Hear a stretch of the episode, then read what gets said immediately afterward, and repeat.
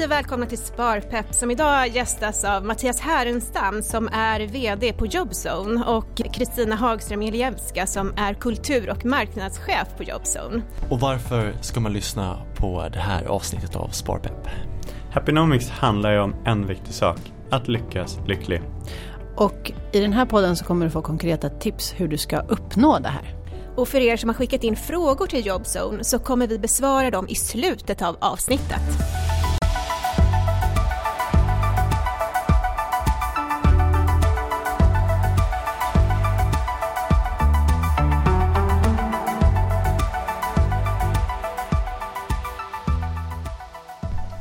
Och vi som leder samtalet idag här med Jobzone det är då jag Daniel Fagerström. Och jag Erika Papagiannopoulou. Eh, och vi ska ju fokusera på eh, Happynomics, hur blir man lycklig på jobbet? Och hur kan det påverka ekonomin om man inte trivs på jobbet? Mm. Jag tänker vi kanske kan börja med lite, om ni kan berätta vilken är och er bakgrund? Mattias? Jag skulle säga att jag är en eh, realist. En realistisk möjlighetskonsult är egentligen min bästa titel. Jobbat med sälj, jobbat med ledarskap eh, i de senaste 14 åren. Då. Snart kommer det en person som slår mig på fingrarna där. Eh, men eh, brinner egentligen för att skapa motivation hos människor att göra det lilla extra. Det har varit min, min starka drivkraft. Och eh, jag tror hemligheten till att lyckas med det också att jag har ett inneboende lugn och en norrlänning i själ och hjärta. Och du eh, jobbar tillsammans med en naiv optimism med rebelliska drag. Så du behöver ju det här lugnet med dig in i, i vardagen. Eh, som sagt, Kristina Hagström Ilievska, marknadschef och kulturchef här på Jobson. Och eh, med bakgrund inom försäljning och marknad de senaste 15 åren. Ja men precis, vi har stöttat varandras göra genom tiden. Eh, och eh, har funnits som stöd till varandra genom de här åren. Och det vi hittade nu var egentligen en perfekt match för hur vi kan, vi har ganska höga visioner på, på jobb som vart vi ska nå. Vi hittade en perfekt dynamik i hur vi kan komplettera varandra i varandras roller. Vi kan visionera väldigt mycket ihop. Där har vi mycket enighet. Kristin är fantastiskt duktig på att vara rebellisk och tänka utanför ramarna. Och så är jag den som räknar på pengarna för det hela också. Så jag har alltså det roligaste jobbet i det hela. Eh, det är många av oss som har det väldigt bra idag på alla sätt och vis. Men ändå så är det faktiskt många som är olyckliga i dagens samhälle. Mm. Vad tror ni det beror på?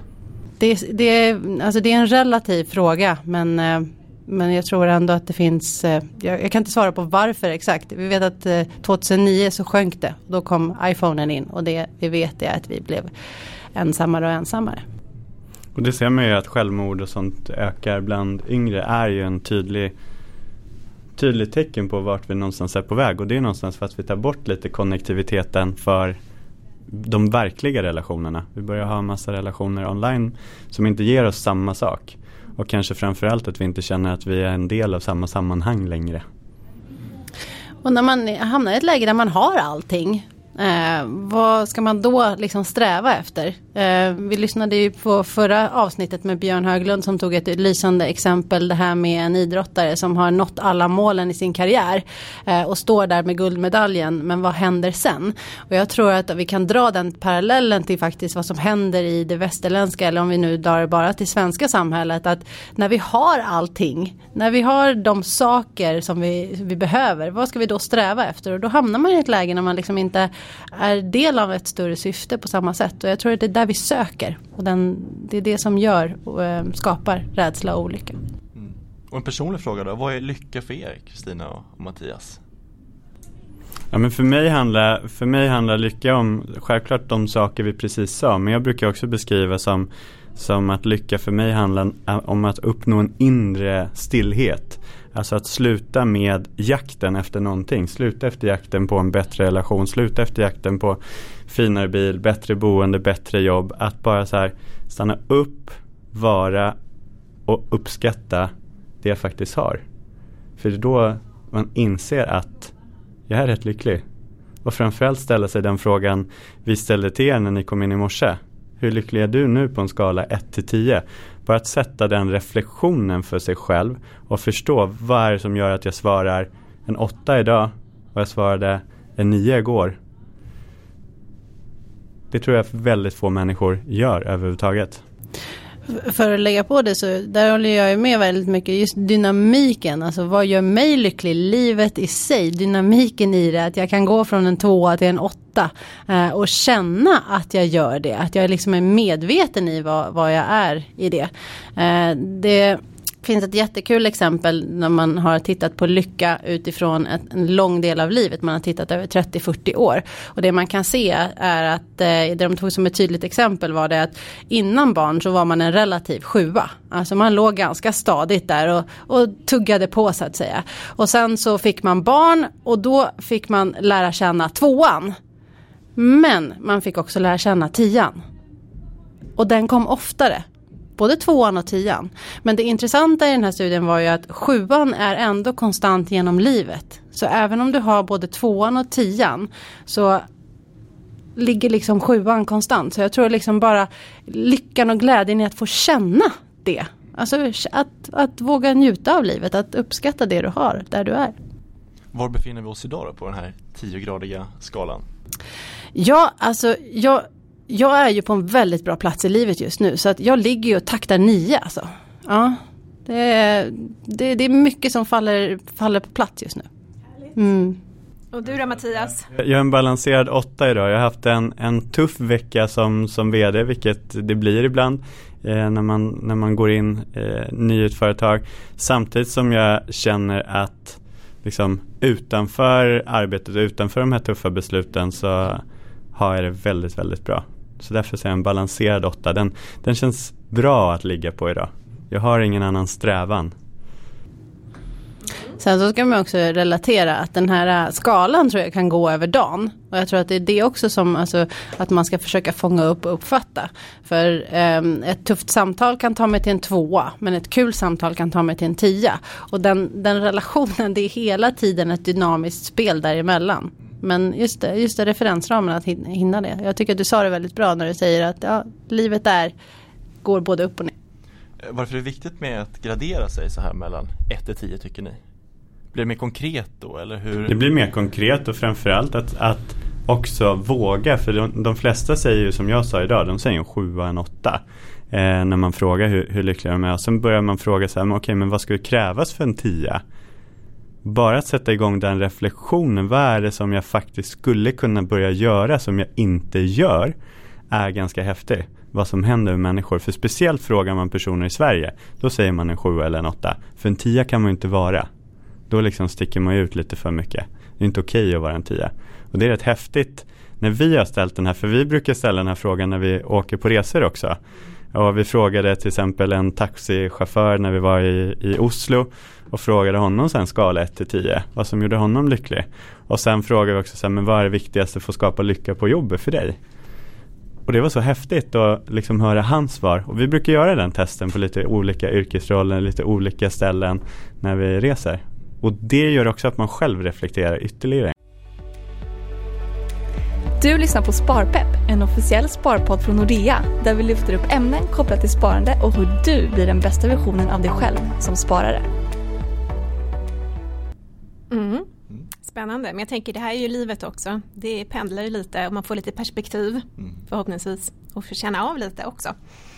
Eh, men jag tänker om vi ska återkoppla till eh, jobbet då. Eh, finns det någon affärsrisk att inte vara lycklig på jobbet?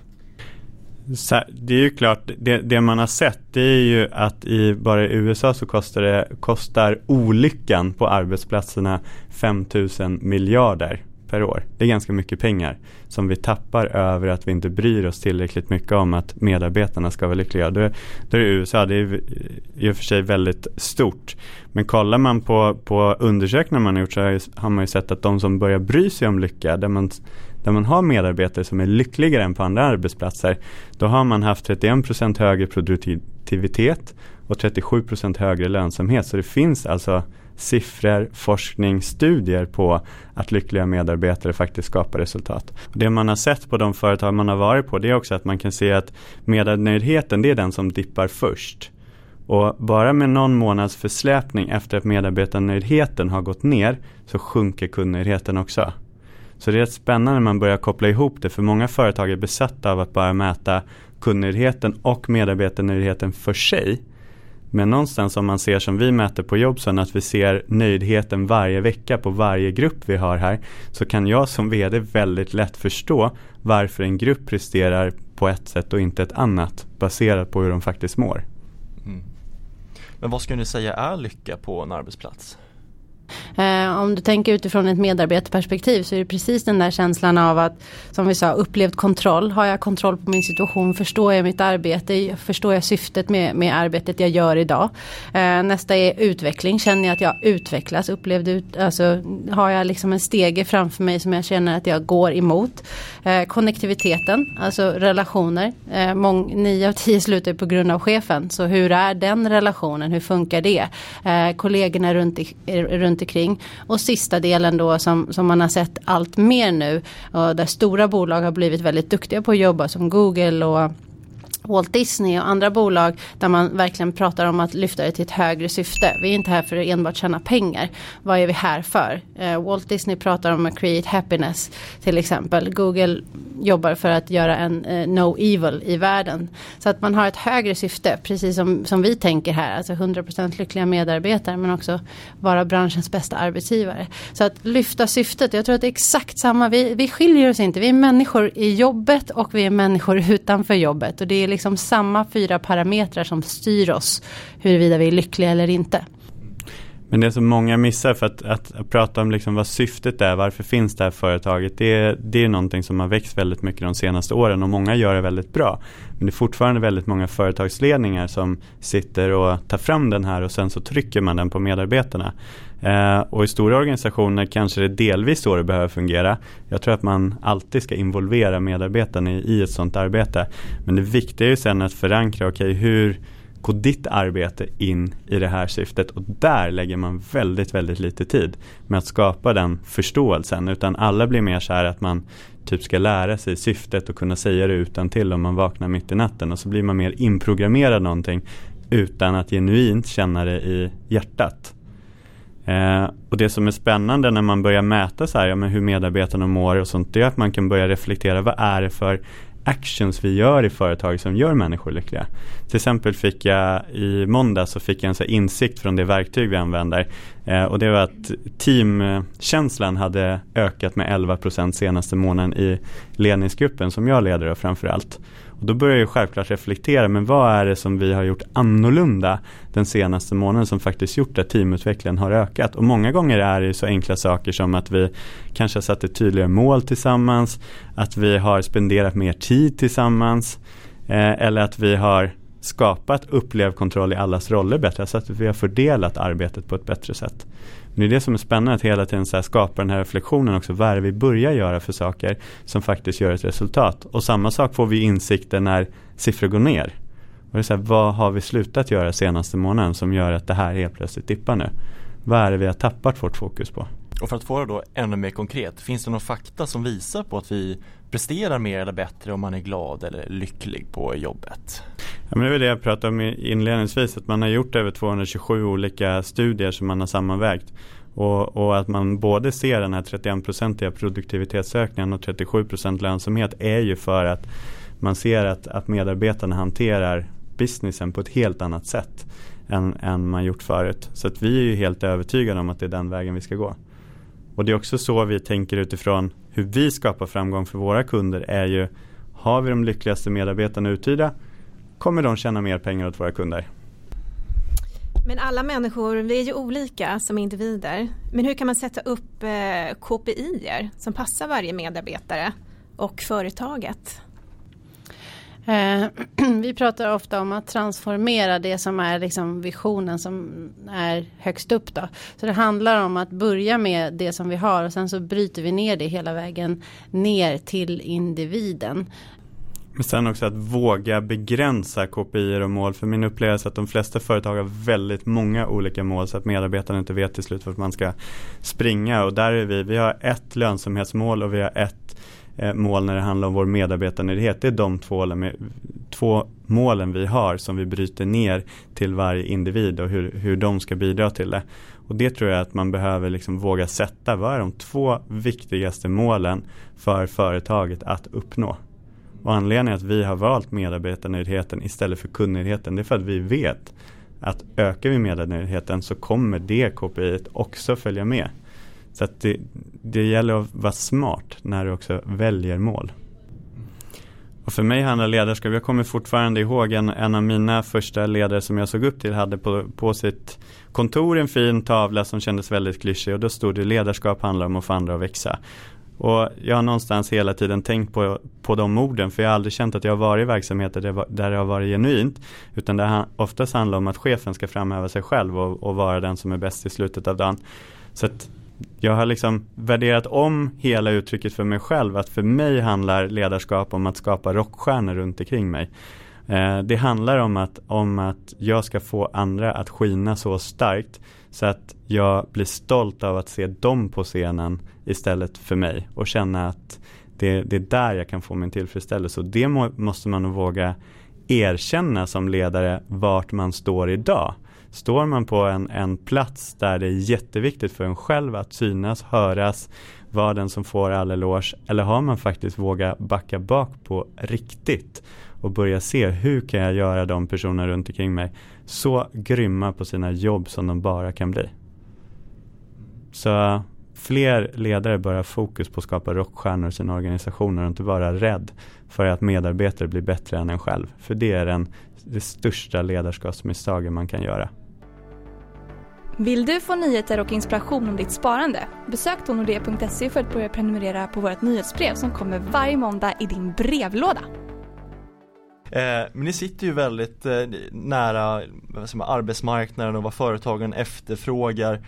Och ni måste också kunna känna att kompetensen den förändras väl också. Jag tänker med tanke på att eh, vi kommer att jobba längre. Eh, också att företagens kom, företagen kommer att få helt nya behov av kompetens eh, jag tänker framöver. Vad har ni för tankar kring det? Om man tar lite ett bredare perspektiv från Jobzones sida. Att, eftersom att vi kanske kommer ha fler arbeten, vi kommer ha flera roller under vår liksom, yrkesverksamma tid. Eh, hur, hur ser ni på den frågan här? Men alltså, det här är en fråga som jag, jag brinner väldigt starkt för, för jag tycker att många företag går väldigt snabbt ut och letar efter ny kompetens.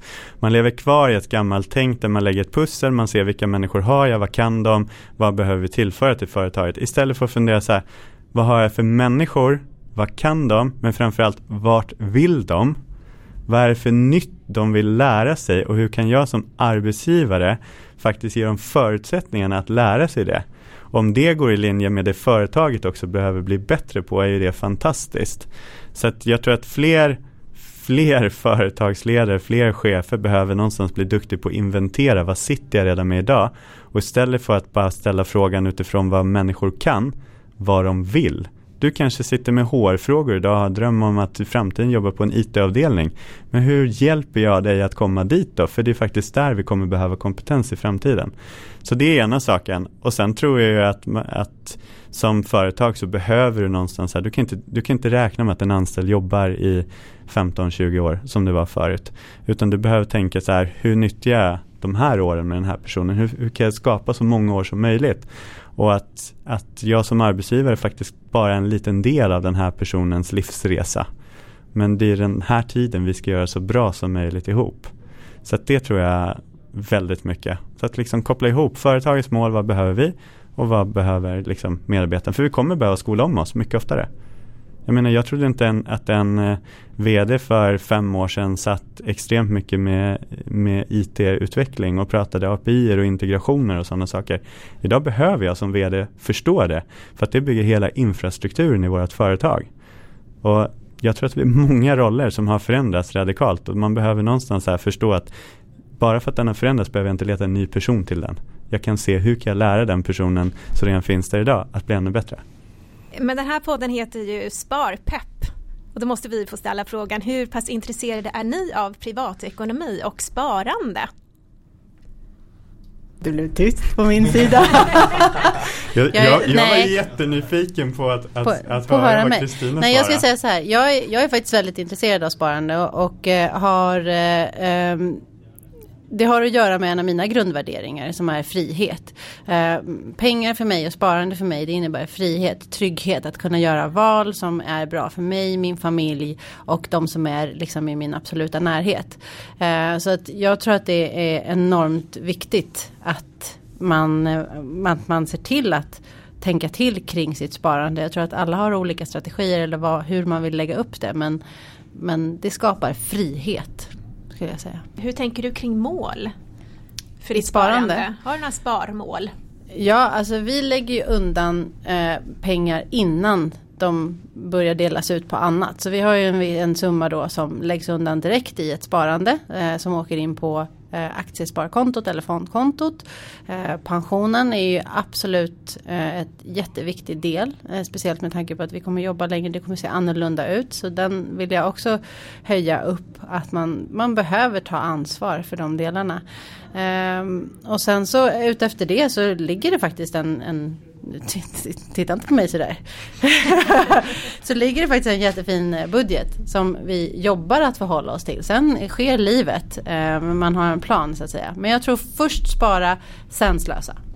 Eh, kopplat till sparande, jag fick en viktig, viktig insikt av, av förra avsnittet med Björn för att eh, någonting som jag hela tiden har gjort är att lägga undan 10% av inkomsten precis som, som du säger innan man börjar dela ut till annat och det har ju stått i många böcker och jag tyckte att det har varit en bra strategi och den har fungerat. Men jag har också känt att jag vill göra mitt sparande roligare och jag har ju faktiskt tydliga mål. Ja, men vi vill köpa en lägenhet i, i Spanien.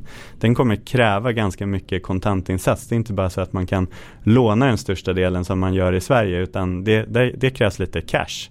Så att jag har ju ett väldigt tydligt mål. Vi har en tidsperiod för det målet. Men så hörde jag Björn och så insåg jag att jag har inte brutit ner och insett hur mycket jag behöver spara i månaden för att nå det. Så att jag tror att det är jätteviktigt i sitt sparande att komma ihåg att ja, det är bra att spara en viss summa men det handlar också om att för att motivera det till det till det lilla extra att sätta den här målbilden. Vad ska den summan generera? Och då kanske du har den här lilla summan du hade innan och lägger på lite extra. Och där är det viktigt som du säger att man lägger undan kanske 10% men man kan ju också vända frågan åt andra hållet och säga kan jag leva på 90% av min lön? Eh, eller kan jag leva på 80% av min lön? För då känner man att lite enklare att hantera den frågan och säga att man lägger undan 10 eller 15% för då känner man att det kanske känns mycket men istället säga att kan jag faktiskt klara av att leva på, på 90% av min lön? Bara hur man med framing kring frågan. Mm, det är viktigt. Jag skulle vilja lägga till också att man ska nog tänka för att Eh, du har ju det, det naturliga sparandet, det som de flesta ofta pratar om, 10 procenten. Men sen eh, vad du gör med de övriga pengarna. Vi har någonting som vi kallar för guldkantskonto. Och där åker det in pengar varje månad. Det tas ut ibland pengar därifrån också. Men att veta, här, där har jag lite, där finns det liksom den här gången när jag verkligen vill unna mig någonting eller liknande. Och sen så har vi ett konto där det liksom går in pengar som, som alltid står. Ett konto där jag vet, det är ett trygghetskonto. Så skulle någonting gå sönder så ska det finnas pengar där. Och det fyller jag på innan jag fyller på guldkantskontot. Så det finns ett mål för hur mycket trygghetskontot ska vara på. Det finns ett mål på för hur mycket guldkantskontot ska vara på. Så försöker vi fylla på där allt eftersom eh, den som man lägger. Och det är också en, en, en trygghet och en frihet. Och sen när man byter jobb att inte bara stirra sig blind på lönen utan även kolla på hur jobbet påverkar ens liksom, ekonomi i helhet. Jag var i ett litet samhälle igår som heter Hjältevad som ligger på höglandet i Jönköpings län och då berättade en, en fabrikschef där att där har de ju många, alltså det är ju avstånd, det är ju fem mil att pendla till olika orter för att, för att jobba. Och han sa det att, ja, men okej om du pendlar fem mil, det är tio mil per dag. Det blir ganska många mil i veckan. Om man tänker i månaden, om man tänker per år så helt plötsligt så kan det ju bli deras konkurrensfördel att hitta personer som bor nära den här fabriken. För då kan, är det okej okay att ha en lite lägre lön för att de spanar ändå in så pass mycket på att slippa de här pendlingarna. Så jag, tänk, jag har aldrig tänkt på det perspektivet. Jag tänkte säga Stockholm, där här pendlar vi ju flera timmar per dag. Och det kostar oss ofantligt mycket pengar men jag tror väldigt, väldigt få reflekterar över sådana saker när man byter jobb. Okej, okay, vart ligger kontoret? Man kanske tänker lite grann i tid men man, man tänker inte så här, okej, okay, hur, hur mycket mer kommer det här kosta mig i månaden? Både tid och pengar att, att pendla hit eller åka dit och, och så vidare. Och det behöver man också tänka på, alltså reflektera över sina utgifter överhuvudtaget. Eh, och sen skulle jag vilja lägga in en, en aspekt i att alla kan. Jag tror att man ska inte hamna över vissa nivåer eller runt vissa nivåer för att komma in i det här. Eh, jag nämnde att jag har ett projekt som heter From One to Another och vi har utbildningar nere i Kenya. Vi pratar alltså med kvinnor som lever under 10 dollar per vecka för sin familj. Eh, och vi pratar sparande med dem. Alltså, då, då, är vi, och då kan man ju tänka så här, men gud skaka på huvudet, det går inte att spara pengar där. Men när även dessa kvinnor som verkligen inte har pengar över, kan liksom tänk, när vi kan prata med dem och reflektera och de kan inse att så här, oj, men om jag lägger undan en liten, liten del och då är det liksom en en, eh, motsvarigheten är en krona per vecka, vad skulle hända då? Så att jag tror också att det är viktigt att, att plocka ner att alla kan faktiskt göra det, även om man gör det på sin egen nivå. Och då ska man nog vara väldigt stolt över det och skapa stolthet i att säga, ja men jag har i alla fall samlat ihop 10 kronor mm. i det här. Det lyfter vi ofta upp att det här sparande är någonting för alla och tillhör alla. Det är inte för en viss specifik grupp utan det här är faktiskt för allmänheten och alla människor. Men jag tänker just när man byter tjänst, när vi är inne på det, men det är också kanske viktigt att se över sin tjänstepension när man skriver på sitt nya kontrakt. Vad är det mer för fördelar förutom avstånd och, eh, och lön? Det finns ju andra aspekter man också måste ta hänsyn till där. Hur, eh, hur ser ni på den, den aspekten?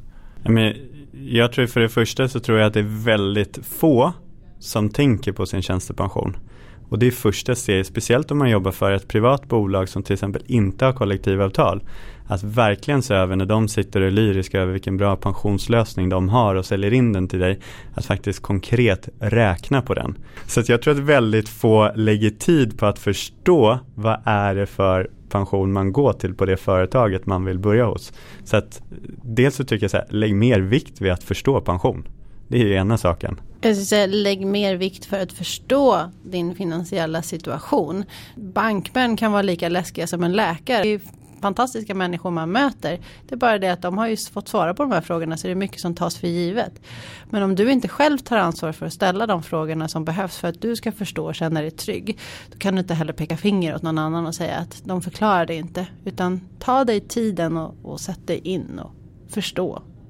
Ställ frågor våga vara ärlig mycket du faktiskt kan. När ja. du träffar en sån här person. Mm. Likadant som att gå till en läkare. Börjar du svänga runt med massa medicinska begrepp så tror den här läkaren men eh, Kristina har precis full kontroll på, på vad vi ska gå igenom här idag. Jättebra liknelse. Ja. Ja.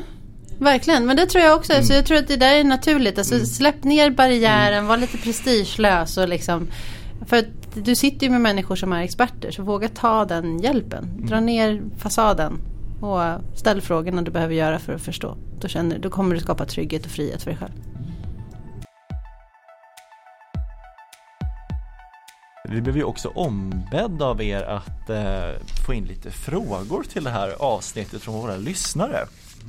Och jag ska också säga till er som lyssnar att vi har inte förberett Mattias eller Kristina på de här frågorna så att de får svara här nu direkt. Eh, och vi har ju fått in några stycken eh, och ni är ju experter på karriär och ledarskap eh, tycker jag i alla fall personligen. Eh, och det är mycket av den karaktären vi har fått in på de här frågorna. Eh, men en fråga är då här eh, hur snart, eh, ska säga, hur snart kan man byta jobb utan att det ser dåligt ut på CVt? Mitt svar är, har du en bra förklaring till varför du byter jobb fort så, så finns det faktiskt inga eh, tidsbegränsningar där. Eh, utan det handlar mer om att du ska kunna förklara ditt val mm. du gör. Bra.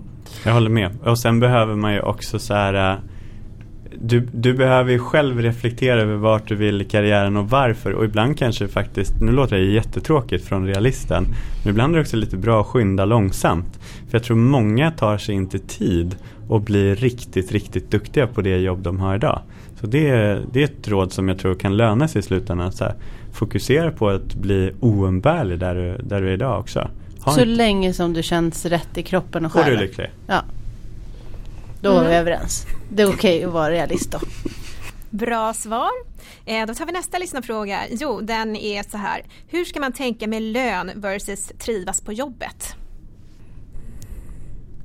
Jag skulle säga så här, man skulle kunna få betala mig hur mycket som helst.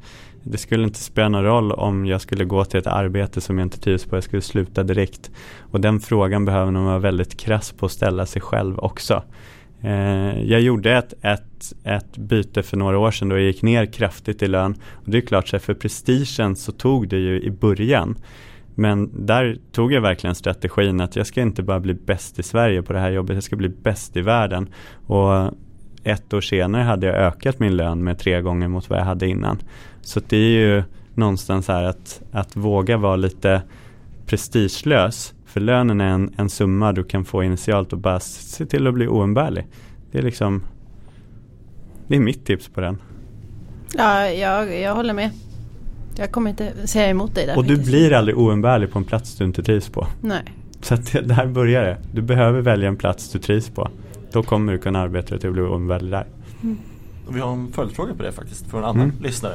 Eh, om man vill byta jobb på grund av att man just då inte trivs, vad ska man då säga till potentiella nya arbetsgivare om de frågar varför man vill byta? Jag tror att i all form av, av rekrytering så vinner du på att vara extremt ärlig och vara extremt transparent. För anledningarna till att du vill byta är anledningar som är bra att lyfta för sin framtida potentiella arbetsgivare. För att det kan ju vara antingen saker som man ser att ja, men det kommer, gräset är inte grönare på, på andra sidan och då har de möjlighet att vara ärlig med det. Eller så ser man att ja, men det här är faktiskt saker som är bättre där. För det är ju samma när, när vi har varit på samma ställe. Då var det vissa saker när Kristina pratade om varför hon slutade. Eh, och, och vad som inte var bra. Så såg jag det mer som fördelar i varför jag skulle vilja jobba där. Så att det behöver, bara för att det är en sanning för en person behöver det inte vara en sanning för en annan person. Jag, jag håller med om att det gäller att vara öppen eh, och säga varför. Sen tycker jag inte man ska peka pinnar och säga att det är någon annans fel eller liknande. Utan du är ju själv satt i den situationen och valt de här valen. Eh, och då är det nog bättre att säga så här, jag trivs inte av de här anledningarna. Inte att det alltid är någon annan. Jag tror att eh, det, är, jag tycker att det är viktigt att hålla kvar relationer. Eh, så gott man kan genom livet och och lämna platsen bättre än när du kom oavsett varför du väljer att gå. Mm. Eh, vi tar en till fråga. Vad kan vara bra att tänka på som grundstenar på en arbetsplats? Till exempel förmåner som friskvård. Hur ser värderingarna ut? Hur jobbar de etc. Jag tror att det är jätteviktigt att, att göra det här klar för sig själv. Vad är viktigt för mig? Och sen ställa de frågorna i intervjun och se ifall det matchar eller inte. Men det är väldigt svårt att, att börja åt andra hållet. Att säga. Du måste veta, du måste veta själv vad som passar eller inte. Och, och tror också, där kan man också vara lite, alltså ta det lite lugnt i att våga välja sitt nästa steg. Våga välja sin nästa chef, våga välja det här. Kanske hellre ta en intervju längre för att hitta någonting du tror på. Men gör hemläxan själv först. Och ta ett så enkelt exempel som arbetstider. Vissa trivs med att jobba 8 till 17. Man trivs med att det förväntas att du kommer in klockan 8. Du trivs med att eh, det också är okej att du går hem klockan 17. Andra människor trivs med en total frihet i det. Och det är någonstans här, det är de matcherna som behöver bli rätt. För den här som vill ha total frihet kommer aldrig trivas om förväntan är att jobba 8 till 17. Sen kan jag tycka att det tänket är lite traditionellt också. Så jag hoppas ju att det blir färre och färre sådana arbetsplatser. Men jag tycker ändå att du behöver ta reda på vart arbetsplatsen är någonstans idag.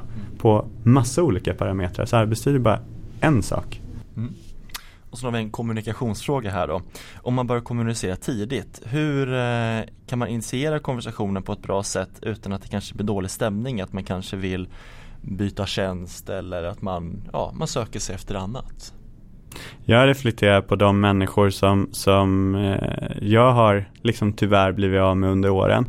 Eh, och så har jag reflekterat över de som har gjort ett bra avslut och de som har gjort ett mindre bra avslut. Och det har kommit fram till att de som har gjort bra avslut är de som tidigt har berättat att Mattias, nu känner jag så här, nu upplever jag så här, vad kan vi göra åt det? Och antingen har vi sett att vi har kunnat göra saker och det har kunnat bli en solskenshistoria av det. Eller så har jag kunnat vara ärlig med att jag inte kan erbjuda dem det de faktiskt önskar. Men då har man istället kunnat se, okej okay, hur kan jag göra din start på ditt nästa jobb så bra som möjligt och att du får lämna det här jobbet på bästa sätt. Så att jag tror, kommer man i de här tankarna och man känner förtroende för sin chef så börjar de samtalen väldigt, väldigt tidigt. För då kan det vara så att det kanske inte handlar om ett byte om en månad. Det kanske är ett år. Eh, men jag tror att man kan skapa det bättre i samförstånd, att göra tiden riktigt bra. Och då ska jag också vilja vända det här som ett tips till chefen som sitter i det här. För att de, alltså, alla sitter vid tankarna, trivs jag inte, ska jag, ska jag vara kvar, ska jag inte vara. Man hinner liksom göra de tankarna. Om du som chef, ledare är bra på att ställa de här frågorna transparent och visar att det inte är, det finns inget straffbart med att svara på dem. Jag straffar inte dig när du svarar att nej men just nu känner jag så här. Det är, den, det, det förtroendekapitalet som behöver finnas på plats. Så mitt råd är också till, till alla de som sitter som chefer, våga ställa den frågan och ha den öppna dialogen likväl. För då kommer du få de äkta svaren. Och jag tror att där har vi ju produktiviteten igen. Att om jag som chef och ledare frågar och har en transparent relation ditåt. Då kan, precis som Mattias sa, jag kan, få, jag kan hjälpa dig någonstans. Och du som medarbetare kan ju få hjälp dit du vill. Ja, det är det värsta jag vet är ju när medarbetare bara kommer och tar det här, bokar in mötet utan rubrik. Jag ska säga upp mig. Jag har bestämt mig. Det finns ingen som kan, kan få mig att ändra mig. Om man inte haft några heads up på det innan så blir det aldrig ett bra avslut. Till alla människor där ute som sitter på en arbetsplats. Vi måste bara inse att folk kommer komma och gå. Det är inget dramatiskt med det, precis som det inte är något dramatiskt med döden. Vi ska nog bara relatera till att så här, hur, jag tycker den är bra. Hur kan vi få dig att må så bra som möjligt så att vi får ut din maximala potential där du är under den tiden du är. Mm och eh, vårda relationer och eh, se till att man kan ha dem under längre tid också. Att man inte bara bokar det här mötet för det blir kanske Kanske haft ett jättebra samarbete många år och sen så blir det ett ganska abrupt slut kanske. Absolut, alltså, många av mina medarbetare som jag har, har fortsatt kontakt med och det är mycket möjligt att vi möts på nya platser framöver. Att, att de kommer in i nya roller. Mm. Och en dag kanske man vill komma tillbaka också. Absolut. Mm. Och det tror jag faktiskt väldigt få tänker tanken kring. Och den, det är en tanke som jag tycker att fler ska våga tänka. Speciellt om, om man har liksom varit med tidigt i ett tillväxtföretag eller någonting sånt. Alltså, tiderna förändras och det kan faktiskt vara någonting som gör att du skulle vilja komma tillbaka. Så släpp den prestigen också att du aldrig ska gå tillbaka till ett företag du kom från. För det företag kan se helt annorlunda ut imorgon, det vet man inte. Lämna platsen bättre än när du kom. Var en ambassadör. Bra. Men jag tror att det är dags att vi börjar summera det här avsnittet. Vi har pratat mycket om relationer och om hur man blir ja, en bra medarbetare men också hur man kan finna motivation i, sin, i sitt arbete. Men hur skulle ni vilja, eh, vad skulle ni vilja skicka med lyssnarna från, från det här avsnittet, det här samtalet vi har haft i, idag? Ja, men jag skulle säga så här, börja ställa frågan varje dag till dig själv, hur lycklig är du en skala 1 till 10? Reflektera över de faktorerna som gör dig lycklig. Du kommer både få väldigt mjuka värden, du kommer ibland få lite liksom, hårda fakta också och se till att göra någonting åt det. Acceptera inte att du för fjärde dagen befinner dig på en fyra. Och njut av livet som det kommer. Det vill säga njut av både tvåan och tian. Eh, och lägg allting i en referensram. Zooma in och zooma ut. För att då tror jag att i det långa loppet mår du också bäst. Alla förtjänar lycka. Så skulle jag vilja avsluta den här podden. Du, du förtjänar den och du kan skapa den. Det låter ju väldigt hoppfullt för framtiden. Tack snälla Mattias och Kristina för att vi fick vara med här idag hos er. Eh, och eh, tack för att ni lyssnat på Sparpepp och eh, vi hörs snart igen. Det gör vi. Ja. Tack för att vi fick vara med. Det var ett intressant avsnitt att få lyssna på Jobso, men då undrar jag, vad kommer vi få lyssna på i nästa avsnitt Sara? Vad står på agendan? Nästa avsnitt ska vi prata lite om entreprenörskap och hur man kan tänka när man vill starta eget kanske och lämna det säkra. Eh, och då ska vi också försöka koppla lite det till kanelbullens dag. Så vi får se vart det bär av. Vilken spännande koppling. Verkligen. Jag hoppas på kanelbullar i studion men vi får se.